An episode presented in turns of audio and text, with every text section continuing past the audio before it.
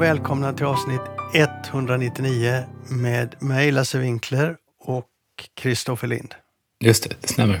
Innan vi går in på detta avsnitt nu då så är vi ett program från 200 som kommer veckan efter och det är samma vecka som Bokmässan. Det hade varit roligt om det hade varit förskjutet en vecka för då kunde vi fira 200 och spela in 200 på Bokmässan. Men nu blir det avsnitt 201 vi kan spela in på Bokmässan. Mm. Då har vi pratat på det du och jag vad vi ska göra. Vi borde fira det på något sätt och då har vi hittills kommit på att vi kanske ska open mic eller öppen mikrofon på Bokmässan där folk får komma och ha synpunkter på programmet och komma med förslag och kritik, allting. Vi återkommer om exakt hur i avsnitt 200. Ställ in er på det om ni är på Bokmässan i Göteborg så har ni chansen att komma med och komma i kontakt med oss. Mm. Bra va? Jättekul. Ja. Jättekul. Ja. Vi får väl se.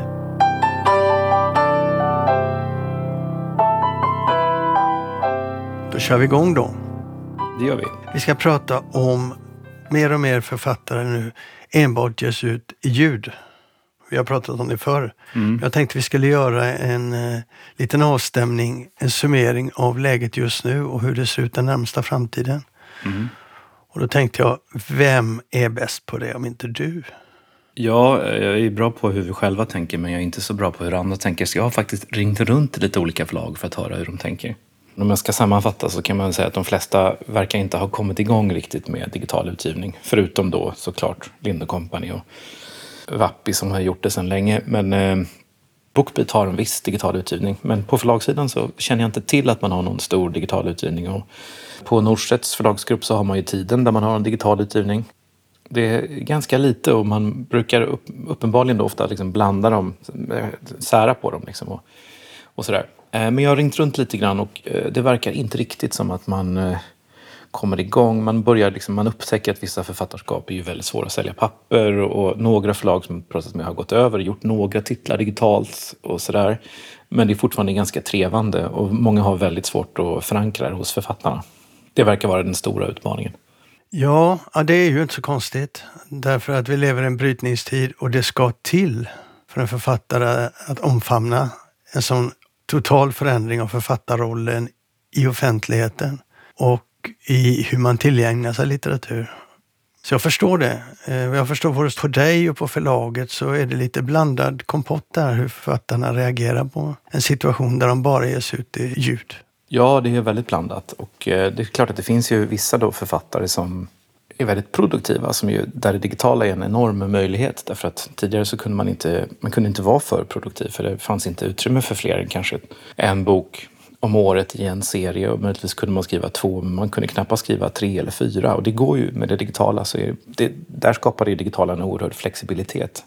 Och jag har också erfarenheten eller känslan av att för vissa så är det också digitala en...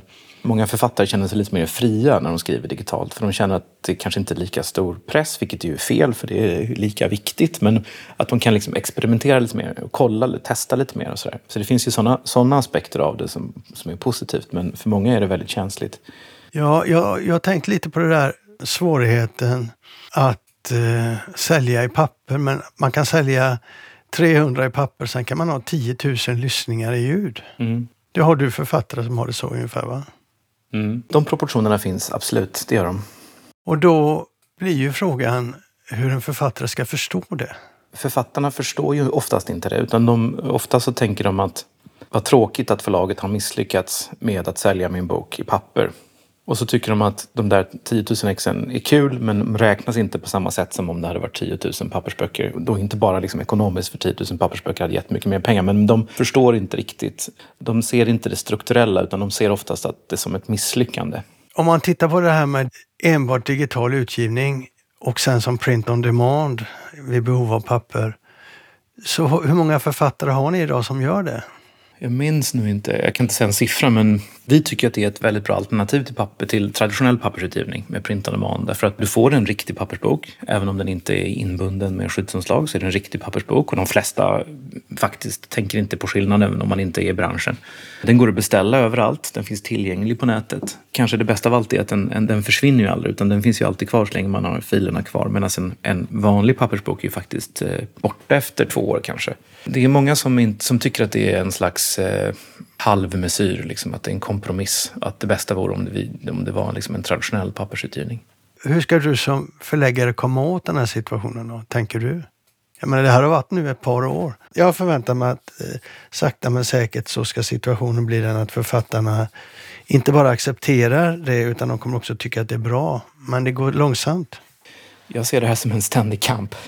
Jag ser det som att jag, att jag är liksom den enda i Sverige som försöker tala om hur svårt det har blivit med papper och hur viktigt det är med ljudet och liksom att man ska faktiskt omfamna och vara glad över att man når så många lyssnare digitalt och inte se det som ett problem att det säljer dåligt i papper. Men jag tror att svaret på frågan är helt enkelt att man får ta det lite pö om pö och lite som det faller sig och lite från författarskap. Och det är är som jag säger, det är inte så att jag ser strukturen, jag ser det strukturella. Liksom att det, är, det är väldigt, väldigt, väldigt svårt att bygga nya författarskap i papper. Men sen kan det finnas enskilda författare som funkar väldigt bra i papper. Så man får ju försöka liksom tar det lite från fall till fall och eh, anpassar sig. Och sen hamnar ju vi i såna här situationer som de förlag som jag pratade med också kände igen sig i. Att det finns andra förlag på marknaden som säger ja men vi är jättebra på papper och vi är jätteduktiga på det här, vi kan erbjuda alla format. Och som använder det som ett sätt att få till sig författare men som sen inte lyckas i alla fall. Så att det är liksom väldigt komplicerat. Av de större förlagen så är det nog bara Lind Company som har en digital utgivning. Och en sak som jag tycker är viktigt det är också att man inte vi försöker vara formatneutrala när vi tänker på utgivningen. Det ska inte vara så att det finns ett, liksom, ett imprint som är Lind Digital som är liksom, där lägger vi det digitalt. Utan förut så var det mycket så att man var vi har haft liksom digitala förläggare, men det vill jag egentligen ta bort. Utan är man förläggare så är man förläggare. Vissa av ens författare kommer bara digitalt och vissa av ens författare kommer bara i papper. Att man ska liksom tänka att man är man är författarens förläggare, författarens förlängda arm. Men man försöker göra det bästa för författaren oavsett format, så att säga. Mm. Och därför så tycker jag det är fel att ha digitala imprints. Man ska, man ska inte tänka så, man ska tänka text. Man ska tänka läsare eller lyssnare. Det verkar vara en frågeställning som är svår att lösa om man tittar på branschen som helhet. Den, den är jättesvår. Och det beror ju på att många som är i branschen, det gäller såväl författare som förläggare och redaktörer, älskar ju pappersboken. Jag gör ju det också. Det finns ju liksom ett motstånd och vi har, förläggarna tar ju oftast författarnas position och försvarar ofta författarna, i alla fall hos mig, vilket jag i grunden tycker är jättebra. Och då blir det så att nej, men den här personen måste få komma ut i papper. Jo, men den här ska väl komma i pocket. Ja, men den gick ju dåligt, säger Nej, men den gick ju ganska bra. Vi har liksom en, en sån där jag ska inte säga kamp för det är att ta i för mycket, men vi har en diskussion som pågår ständigt om vad som ska ut i papper och inte. Där författarna och förläggarna gärna vill ha ut i papper. Den diskussionen tror jag finns på alla förlag, men det finns väl ingen Kristoffer som sitter där och bromsar. Broms, Kristoffer. Men du, det där låter som... Jag hade trott att den här förändringen skulle slå igenom och bli naturlig inom några år, men det låter inte som det blir så. Jag tror faktiskt att det kommer bli så att vi har vi har ju redan författare som är väldigt, väldigt stora, som bara är stora digitalt. Och eh, någonstans är det ju trots allt så att där pengarna finns så finns ju också liksom det viktiga för förlagen är ju naturligtvis att ge ut bra böcker men sen är det viktigt att tjäna pengar. Och var tjänar man pengarna? Ja, inte på upplagor som ligger på 500 ex. Jag, jag tror att det, kommer, det här kommer bli liksom någon slags självreglering på något vis. Nu har vi haft Bokmässan under covid-år. Vi har haft Bokmässan eh, i olika format, digitalt format och i ett eh, hybridformat. Och så kom förra året så var de på väg tillbaka och nu förväntas det väl vara så att nu är vi tillbaka. Ja, det tror jag verkligen man kan säga. Men det finns en dissonans i rösterna inför Bokmässan i år. Det är väldigt mycket prat om ekonomi. Mm, ja, det är det. Jag har pratat, nej men jag har pratat med lite olika förlag eh, och eh, det verkar som att en sak är gemensamt för alla. Det är att alla försöker dra ner lite på mässan. Alltså framförallt försöker de dra ner på kostnaderna på mässan men de försöker liksom hålla nere allting. De försöker hålla nere antalet medverkande författare och de försöker hålla ner, nere alla kostnader. Något förlag som jag pratade med sa att de försökte dra ner kostnaden så mycket som 65 procent. Hur mycket?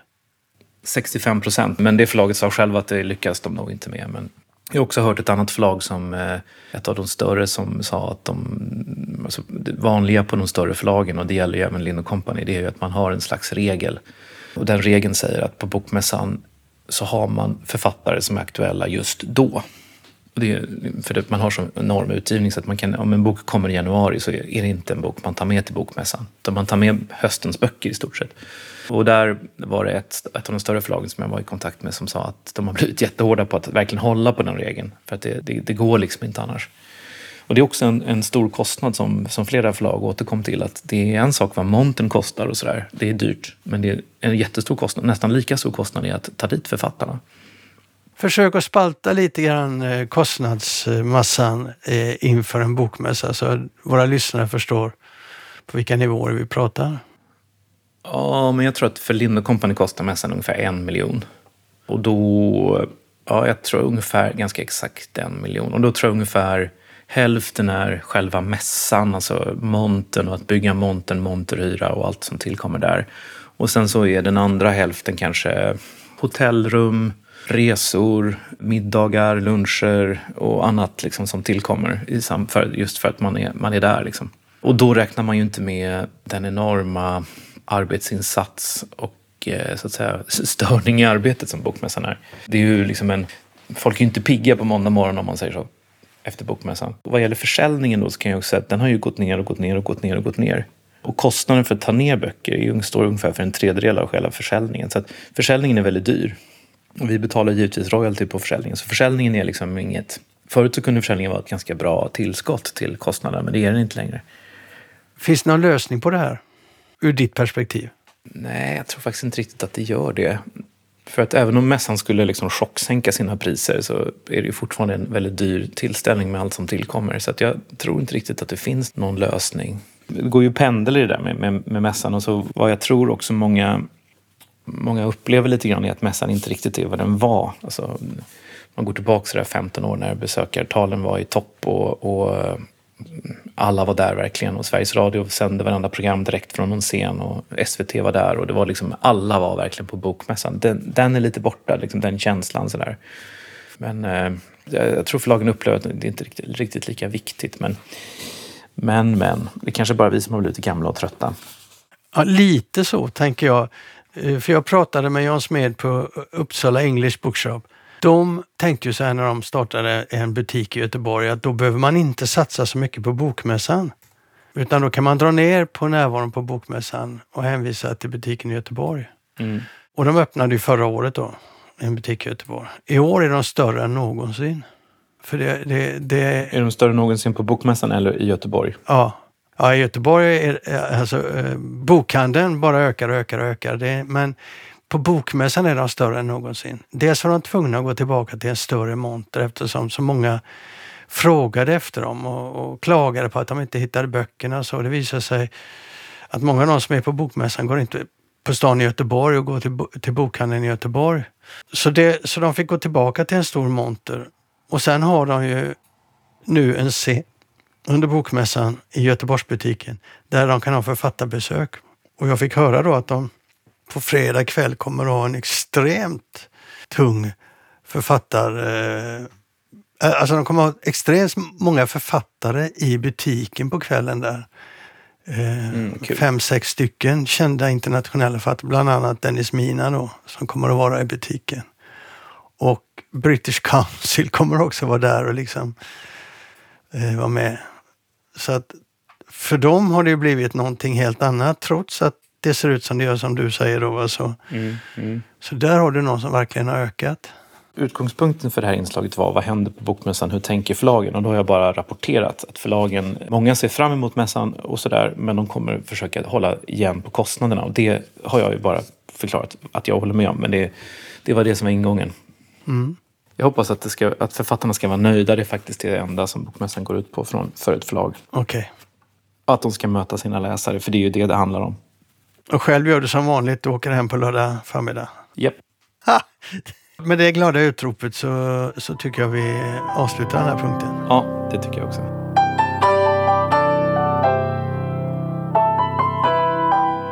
Men för oss är det bara att avsluta med eh, en intervju med förlaget Tranan som jag gjorde helt nyligen. Och den kommer här. Du, Johannes, innan vi introducerar dig och varandra så måste man ju bara säga att det var bara en tidsfråga innan jag skulle hamna här. Och här var jag då? Eh, du är på Södermalm, östra Södermalm, vid Vitabergsparken i vårt fina kontor, Malmgårdsvägen, hos eh, bokförlaget Tranan och vårt barnboksimprint Trasten. Och du är Johannes? Johannes Holmqvist heter jag. Jag eh, är förlagschef här. Mm. Och sitter också i Förläggarföreningens styrelse sedan ett kort tag? Det precis, det gör jag sen. Jag har faktiskt inte varit med på något styrelsemöte än, men eh, jag är invald i styrelsen. Men du, innan vi pratar om dig, för det ska vi, och förlaget, så låt oss prata om Styrbjörn Gustafsson.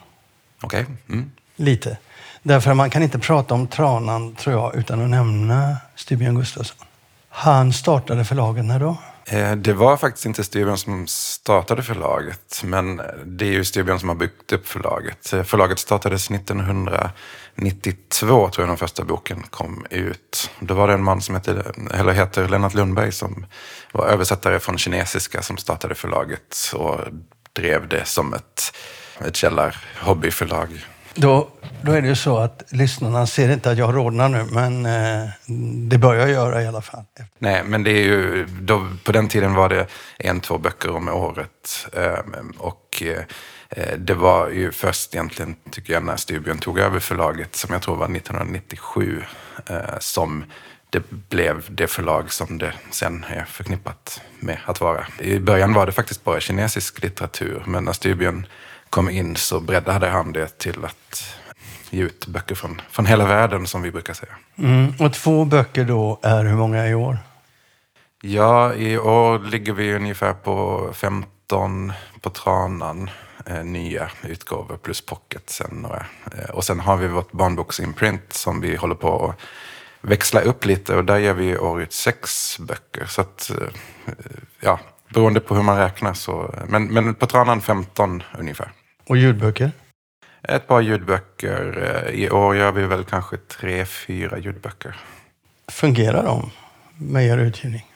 Det beror väl på vad man säger med fungerar. Men över tid så har det ändå det mesta gått att räkna hem faktiskt. Och jag uh, tänker ju direkt på Sympatisören exempelvis. Mm, just det. Är det en sån bok som borde gå som ljudbok? Den finns som ljudbok. Har väl täckt sina kostnader i alla fall och lite till. Vi har ett par böcker som har gått bra för oss i ljud ändå, med våra mått mätt. Den som har gått allra bäst är väl Jamaica Kincaids Lucy som har gått väldigt bra för oss både i, i pocket och, och inbundet på den tiden och i, funkat bra i ljud också. Vi har en annan sån där långsäljare som heter Modersmjölken av en lettisk författare som heter Nora Ikstena som har gått bra för oss i i alla format också under flera år. Så att, eh, vi har en, en del sådana där långkörare ändå som har funkat för oss. Men du har ett rykte om dig att vara väldigt eh, öppen, att vara snabb och talför. Nu säger ryktet mig, och jag kan ha fel information här, att du har moderniserat Tranan rätt ordentligt sen du började. När då? Jag har faktiskt jobbat på Tranan i tio år i år. Började som redaktör 2013 och har jobbat eh, sedan dess eh, och är förlagschef sedan kanske fem år tillbaka skulle jag säga. För det är ju hans baby från början det här. Absolut, det är det och det är ju fantastiskt att ett förlag som Tranan kan ha existerat i 30 eh, år, tycker jag. Det är anmärkningsvärt. Men du har förändrat det lite? Ja, det har jag väl försökt göra på vissa sätt, absolut. Jag har velat eh, professionalisera förlaget kan man väl säga. Och det tycker jag att vi har gjort också på många sätt. Vad betyder det?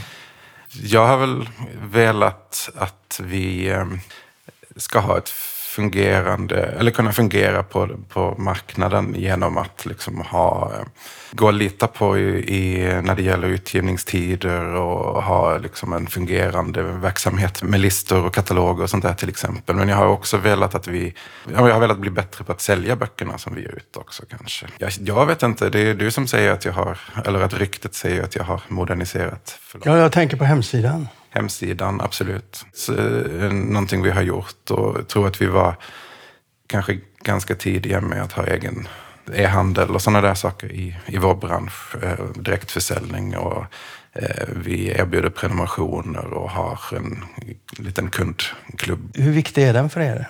Den är eh, viktig för den erbjuder oss en liten grundplåt för en del av våra utgivningar. Vi kan ge ut böcker, introducera författarskap som kanske inte har så mycket som talar för, för sig i, på den svenska marknaden från början, men ändå kunna få ut de där böckerna till våra trogna läsare och liksom börja bygga därifrån. Och förhoppningsvis gillar de böckerna, börja prata om dem med sina vänner eller i sina kanaler på sociala medier och så vidare. Så att böckerna liksom syns och hörs redan från början så att säga. Så det, det, är, det är absolut viktigt för oss. Men om man nu sitter och lyssnar på Förlagspodden och tänker, det där är en idé som jag skulle vilja testa, hur gör man då? Vad ska man tänka på? Det som talar för att vi kunde göra det var ju också att vi har en ganska tydlig profil. Redan innan hade vi liksom läsare som följde vår utgivning. Och det är ju någonting som vi har velat bygga vidare på, att liksom öka den kretsen av människor som kan bli intresserade av en bok för att det är vi som har eh, gett ut den. Och det, då gäller det ju att man har en, en nisch eller en profil kanske för att kunna få folk... Det, det, jag tycker det är helt, ganska fantastiskt att folk väljer att prenumerera på vår utgivning utan att veta vad de får för böcker. För att den, den, det erbjudandet vi har är att man betalar för fyra eller sex böcker för ett år framåt. Och vi berättar bara eh, lite kort om vad det är för typ av böcker. Men de ger oss det förtroendet att de vill ta emot de här böckerna utan att själv välja dem så att säga. Men då har ni mindre marginaler på dem jämfört med bokhandeln? Eh, vi har lite mindre marginaler på dem. Det eh, är det ju absolut. Hur många prenumeranter har ni? Vi har ju lite olika paket och lite olika lösningar på eh, om man betalar ett år i förväg eller betalar per bok. Någonstans kring 200. Så det är ju inga jättevolym, men, det... men det är ju ändå som jag säger, det är en grund att stå på när vi börjar med en bok. Det är ändå en smal utgivning jämförelsevis. Och den är lite krävande för du måste vara väldigt intresserad. Ja, det vänder jag mig lite mot den beskrivningen faktiskt. Eh, jag tycker att vi har en ganska bred, vi har en bred utgivning, absolut så har vi böcker som är smala, om man säger så, litterära. Men vi har alltså böcker, nu har vi inte kommit dit än, men vi ger ju ut böcker från hela världen, lite slarvigt uttryckt. Men, men vi försöker att ge ut böcker från länder, språkområden som andra svenska förlag inte tittar så mycket på. Och då är det ju ofta så att böckerna vi ger ut, om vi ger ut en roman från Korea eller Vietnam, då är det ju ofta liksom främsta författarskapen i de länderna. Så att, att det är smala författare tycker jag är en liten missuppfattning när man också pratar om översatt litteratur ofta. Att det har, det har en liten stämpel på sig att vara smalt, men i själva verket så är det ofta så att de romaner som översätts till Sverige, de är ju jättestora i sina respektive hemländer. Jag kanske ska förklara mig då. Med smalt menar jag just detta att eh, intresset för översatt litteratur minskar hela tiden och samtidigt är det anglosaxisk litteratur som totaldominerar. Absolut. Då blir det andra smalt. Det har inget med intresse eller så att göra, utan det är bara det att de som intresserar sig för det får ju jobba lite. Mm. Jo, absolut. Det, så är det ju. Men, men jag, jag vill eh, försöka vända den bilden av att det, ska vara, att det är smalt, att vi ger ut smala böcker och att, och att den översatta litteraturen är, är smal. För att jag, Vänd på, det mm. har jag inget emot. Men du, eh, hur jobbar man för att komma ut i ett sånt här läge? Det är ändå ett mindre förlag. Inte litet, men det är ett mindre förlag. Vad, vad har ni för omsättning? Ja, men I år omsätter vi runt sju miljoner. Och ni är hur många anställda? Vi är tre som jobbar här. Två och en halv kan man säga. Mm. Det, det, är i alla fall inte jättelitet förlag, men det är inte stort förlag heller. Nej, det är verkligen inte stora. Men utifrån den perspektivet ni har här då, hur, nå, hur jobbar ni för att nå ut? Vilka kanaler till exempel? Eh, nej, men vi, vi jobbar med att nå ut till traditionella kanaler, media och till bokhandeln såklart, som alla gör. Sen då som jag pratade om så jobbar vi med att försöka bygga en krets som följer oss i dels sociala medier, nyhetsbrev. Eh, vi har lite bok cirklar och sådana där saker också för att knyta våra trogna läsare lite närmre. Det är väl som alla andra försöker kämpa på, att eh, synas i tidningarna, i, eh, i traditionella medier. Att, eh, Hur fungerar det att synas i tidningar?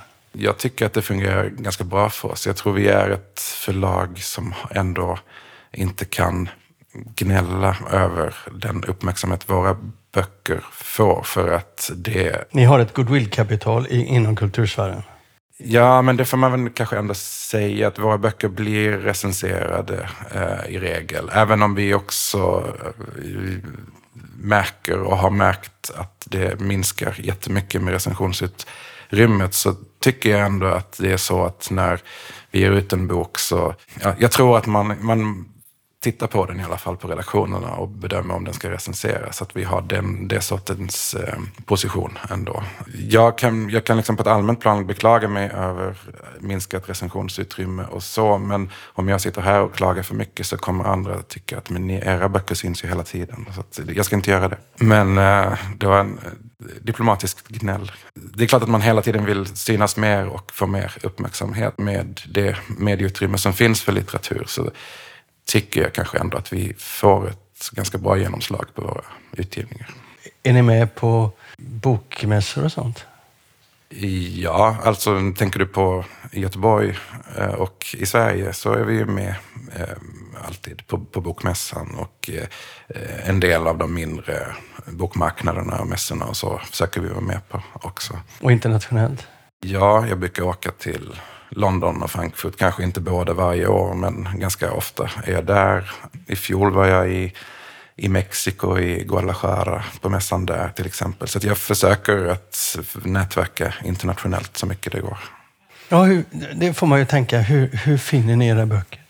Ja, eh, den frågan får jag såklart ofta eftersom vi har ett eh, så stort bevakningsområde som vi ändå har ehm, tagit på oss. Men det, det, kan se lite olika ut. Dels har vi ett stort nätverk av både översättare, förläggare i andra länder, agenter som jag känner och litar på lite grann. Så mycket man nu kan lita på en agent så finns det ändå de som som vet vad, vad jag letar efter och vad vi är intresserade av, eh, som jag kan prata med på det sättet. Så det är ju ett spår såklart. Sen så läser vi mycket eh, själva, alltså scoutar mycket själva i tidskrifter och eh, tidningar och på alla sätt vi kan på nätet och annat och försöker själva nosa upp så mycket det går. Så det är ju de spåren så att säga som, som vi har. Och sen har ni kulturattachéer i världen runt som gärna hör av sig också, eller?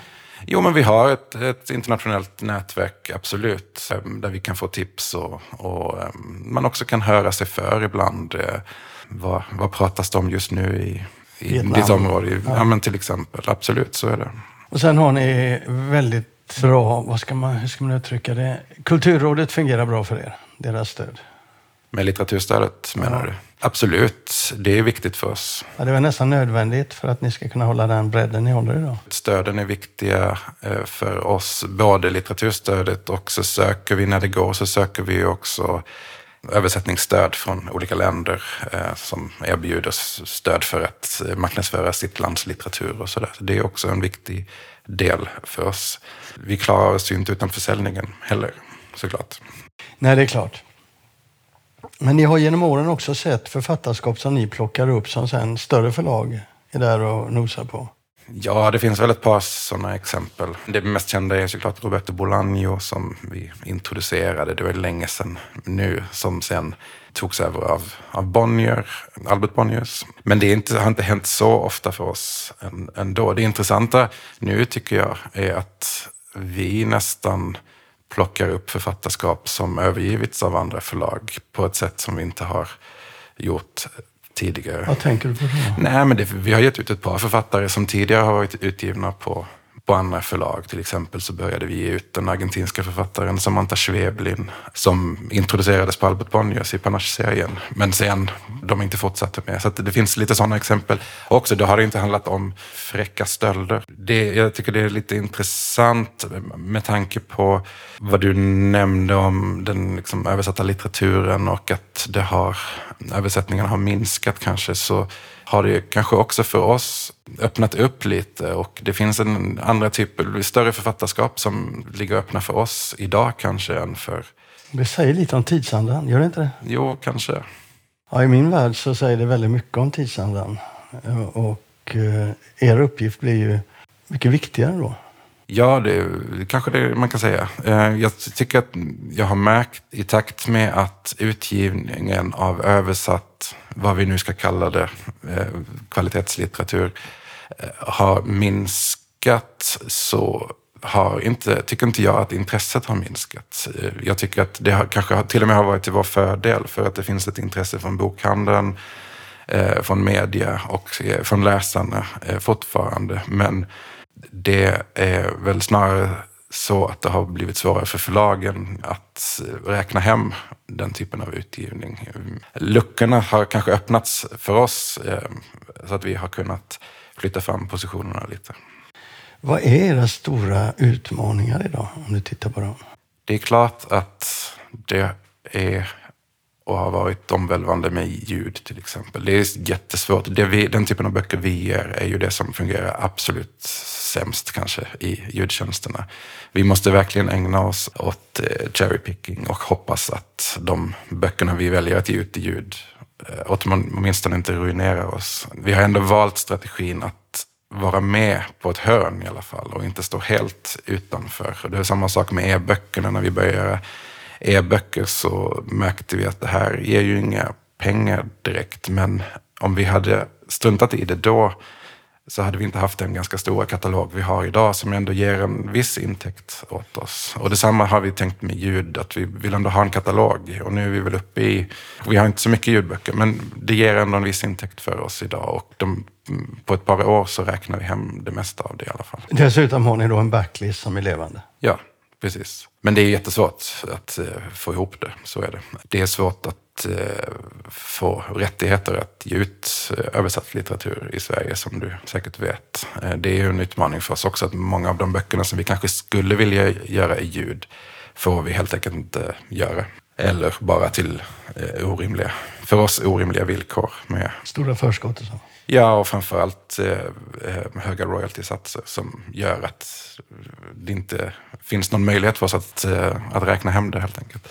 Från vilka länder är kraven så höga? Ja, men det är väl framför allt de eh, brittiska amerikanska agenterna, de författarskap som, som ligger hos dem som eh, har väldigt svårt att förstå sig på den ersättningsmodell som finns och därför inte vill släppa rättigheterna eller bara göra det till 40-50 procents royalty.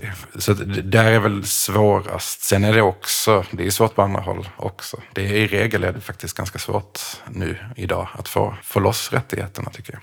Vilket gör det ännu svårare att mm. ge ut. Sen är ju en annan utmaning när det gäller ljud såklart att vi har två upphovspersoner som ska ersättas, alltså både författaren och översättaren. Vilket gör det mer kostsamt att ge ut översatt översatta ljudböcker. Och det i kombination med att det inte riktigt finns någon plats för dem i, på, på ljudboksmarknaden. Att de är, eh, det blir ju ingen bra ekvation såklart. Men går det att eh, avtala bort vissa av de rättigheterna eller minska dem för att komma på banan och sen kanske erbjuda bättre ersättning efter volym så att säga? Eh, med agenterna, tänker du? Eller? Dels med agenter, men också med översättare. Att, de, att, de, att man får hem så att säga, kostnaden och sen kan man dela med sig lite mer, eh, lite större. Mm. Ja, alltså varken agenten eller översättaren vill väl vara med och ta risken och det tycker jag kanske inte att de ska heller. Det hade väl varit en mycket enklare lösning om ersättningsnivåerna höjdes. Ja, från, från eh, plattformarna? Ja, ja, precis. Ja för oss hade det varit bättre och för alla hade det varit bättre förutom för dem kanske.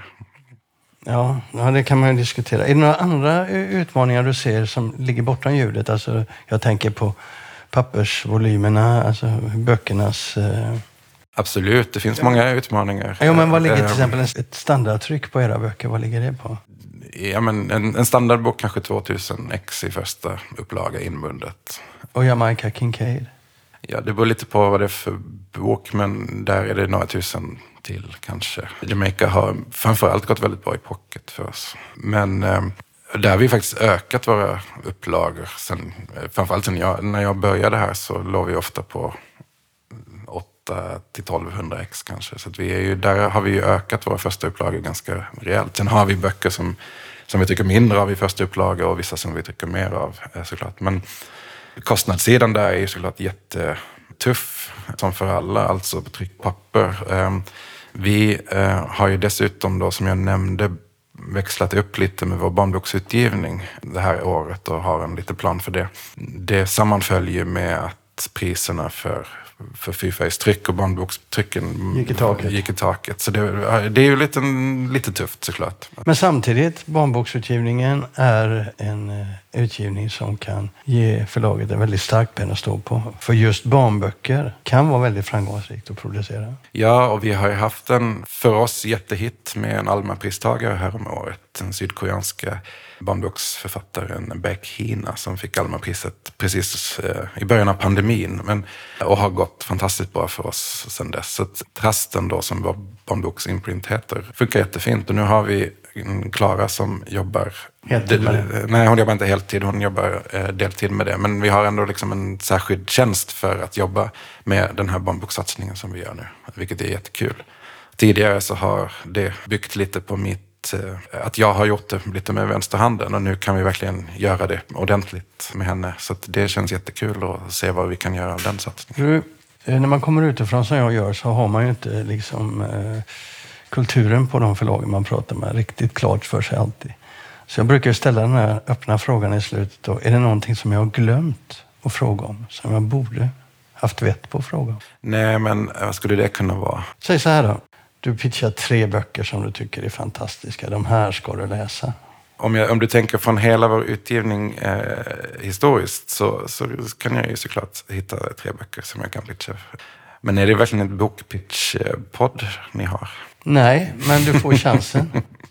Okej. Okay. Eh, men i höst, eh, om man tittar på vår höstutgivning så har vi en eh, roman som jag tycker väldigt mycket om, som är lite otypisk Tranan-bok. Eh, eh, det är något så udda som en amerikansk roman.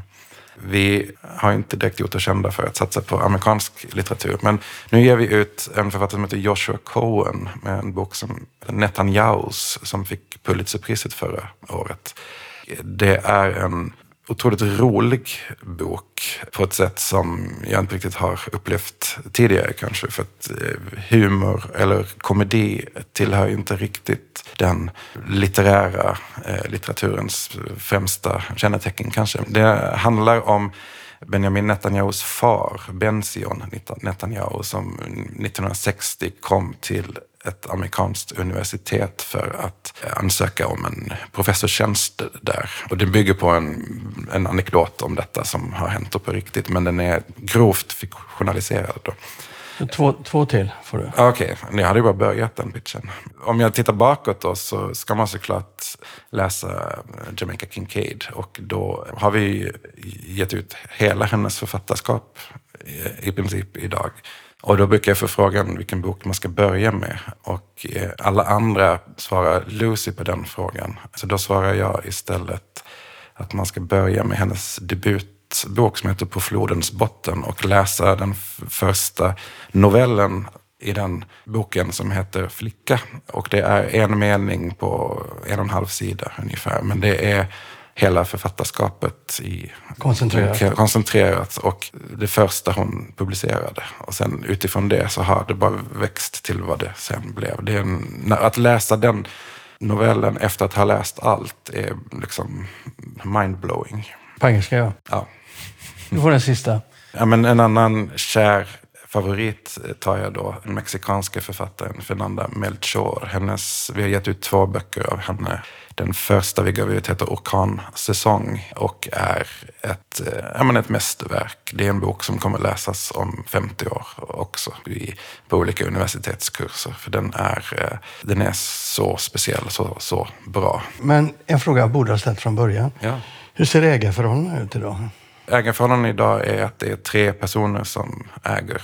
Eh, det är tre delägare eh, och det är då Styrbjörn Gustafsson, eh, David Karlsson som är, driver bokförlaget Korpen men, I, i, Göteborg. i Göteborg. Och sen en som heter Per Bodén som driver en litteraturtidskrift som heter Dixicon. De äger detta som privatpersoner då, så att vi har inga ägarförhållande med Korpen eller Dixicon. Nej. Du, tack ska du ha så länge. Tack.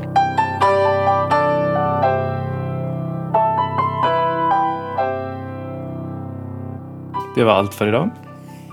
Det var det. Vi hörs om en vecka. Hej då. Det gör vi. Hej då.